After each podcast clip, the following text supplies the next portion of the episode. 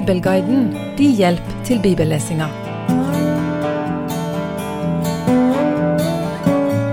Paktkista er nå tilbake igjen i Israel, og grunnet tragedien i Bet-Shemesh ble han flytta til Kiryat Jeremin, der den står i 20 år, som vi snart skal lese. Etter det så står han i ytterligere 80 år, før den i ca. 1003 før Kristus blir flytta til Jerusalem av kong David. Kiryat Jemen lå ca. 15 km vest for der Jerusalem ligger i dag. Men det får vi komme tilbake igjen til seinere. Nå er paktkista, eller paktens ark, kommet til Kiryat Jermin, og etter 20 år så skjer det noe veldig stort igjen for israelsfolket. Folket venner seg til Herren. Vi leser i dag videre fra første Samuels bok, kapittel 7, vers 2. Fra den dagen arken kom til Kiryat Jearmin, gikk det en lang tid, 20 år gikk det. Da sukket hele Israels hus etter Herren, og Samuel sa til hele Israels hus, Dersom dere vender om til Herren av hele deres hjerte, så få de fremmede guder og astartebildene bort fra dere, og vend hjertene til Herren og tjen ham alene. Så skal han fri dere av filisternes hånd. Da skilte Israels barn seg av med baalene og astartebildene og tjente Herren alene. Denne ene setningen i slutten av vers to er sånn jeg forstår det veldig, veldig viktig. Da vendte hele israelfolket seg til Herren. Og dette markerer en overgang. Det markerer en overgang ifra en ond sirkel som har pågått i mange hundre år. Den onde sirkelen var at folket hadde det bra, så glemte de Gud, så falt de fra, så ble de straffa, så angra de, så fikk de en frelser i form av en dommer, så hadde de bra igjen. Så begynte det om igjen. Og Denne onde sirkelen pågår over mange hundre år og gjennom mange dommere og konger. Starten av han leser vi om i Dommernes bok i forbindelse med at Josva sin død. Dommerne to så står det, ifra vers 6. Da Josva hadde latt folket fare og Israels barn var dratt hver til sin arvedel for å ta landet i eie, tjente folket Herren så lenge Josva levde, og så lenge alle de eldste levde som overlevde Josva og hadde sett alle de store gjerningene Herren hadde gjort for Israel. Men så døde Josva, Nuns sønn, Herrens tjener.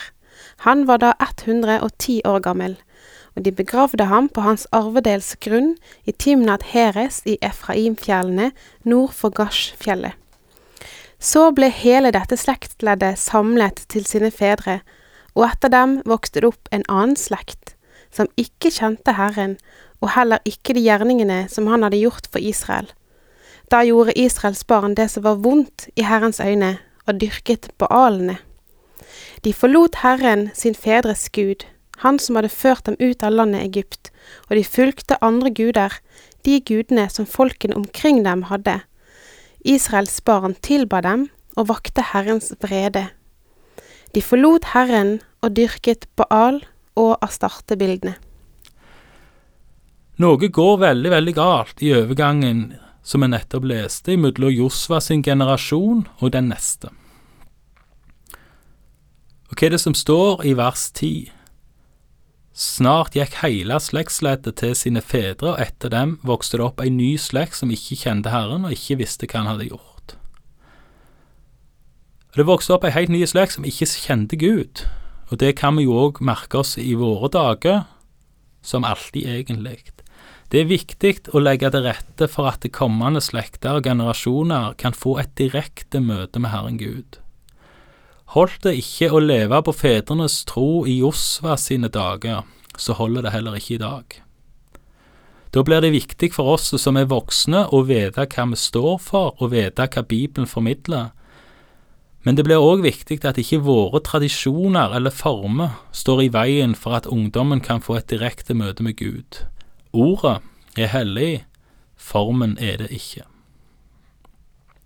Men til tross for at det kom ei helt ny slekt som ikke kjente Herren, så vender ikke Herren Gud seg vekk ifra sitt folk.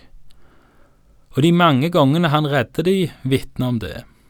Nå leser vi at 20 år etter at pakkista kom hjem, så vender folket seg igjen til Herren. De vender seg bort ifra baalene og astertebildene, de samme avguder som de starta å dyrke etter Josvas død. Vi vender tilbake igjen til Samuel sin historie og leser videre ifra vers 5 i kapittel 7. Og Samuel sa, La hele Israel samle seg i Mispa, så vil jeg be til Herren for dere. Så samlet de seg i Mispa, og de øste opp vann og helte det utover Herrens åsyn. De fastet den dagen og bekjente der. Vi har syndet mot Herren. Og Samuel dømte Israels barn i Mispa. Israelittene de angrer, og de gir bot, og de stevnes til krig i Misba, en by som ligger ca. 12 km nord for Jerusalem.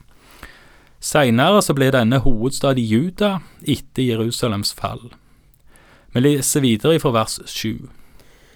Da filisterne hørte at Israels barn hadde samlet seg i Misba, dro filisternes høvdinger opp mot Israel. Da Israels barn hørte det, ble de redde for filistrene. Og Israels barn sa til Samuel, Hold ikke opp med å rope til Herren vår Gud for oss, at Han vil frelse oss fra filisternes hånd. Da tok Samuel et diende lam og ofret det helt som brennoffer til Herren. Og Samuel ropte til Herren for Israel, og Herren svarte ham. For mens Samuel ofret brennofferet og filisterne rykket fram til strid mot Israel, sendte Herren samme dag et sterkt tordenvær over filistrene og forvirret dem, slik at de ble slått av Israel. Da dro Israels menn ut fra Mispa og forfulgte filisterne og hogg dem ned, like til nedenfor Bet-Kar.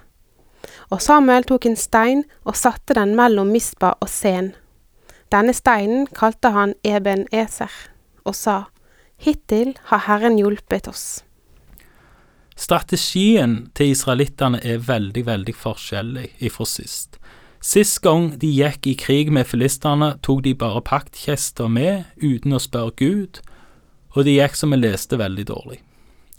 Denne gangen så trygler de Samuel om å be og ofre til Gud om hans velsignelse og hjelp, en helt annen strategi. Trolig så er dette vel vitende om at de ville ha hatt et kjempeproblem uten at Gud var med. Og Gud svarer de på overnaturlig vis, og han forvirrer filistene sånn at Israel slår de. Legg merke til steinen som kalles Ebeneser, eller hjelpestein, og som òg i våre dager brukes som navn på bedehus. Den skal minne oss om at Hittil har Herren hjulpet oss til denne dag. Vi leser videre ifra vers 13. Slik ble filistrene ydmyket og kom ikke mer inn i Israels land. Herrens hånd var mot filisterne alle Samuels dager. Og de byene som filistrene hadde tatt fra Israel, kom tilbake til Israel igjen, fra Ekron like til Gat. Og alt det landet som tilhørte dem, fridde Israel av filistrenes hånd, for det var fred mellom Israel og amorittene. Samuel dømte Israel så lenge han levde. År etter år dro han omkring til Betel og Gilgal og Mispa og dømte Israel på alle disse stedene. Hver gang vendte han så tilbake til Rama, for der var hans hus. Der dømte han Israel, og han bygde der et alter for Herren. Som nevnt, siste setning i vers to er viktige. Da vendte hele Israels folk seg til Herren, for den markerer en overgang og en slutt på at Israel i dommertida skulle vende seg fra Herren for å be om bot og bedring om igjen og om igjen. Neste gang så skal vi se at Israel igjen vender seg vekk fra Herrens plan, men denne gangen på en annerledes måte, på en mer varig måte òg. Denne gangen skal de be om en konge. Men det får vente Takk for i dag, og Herren med deg.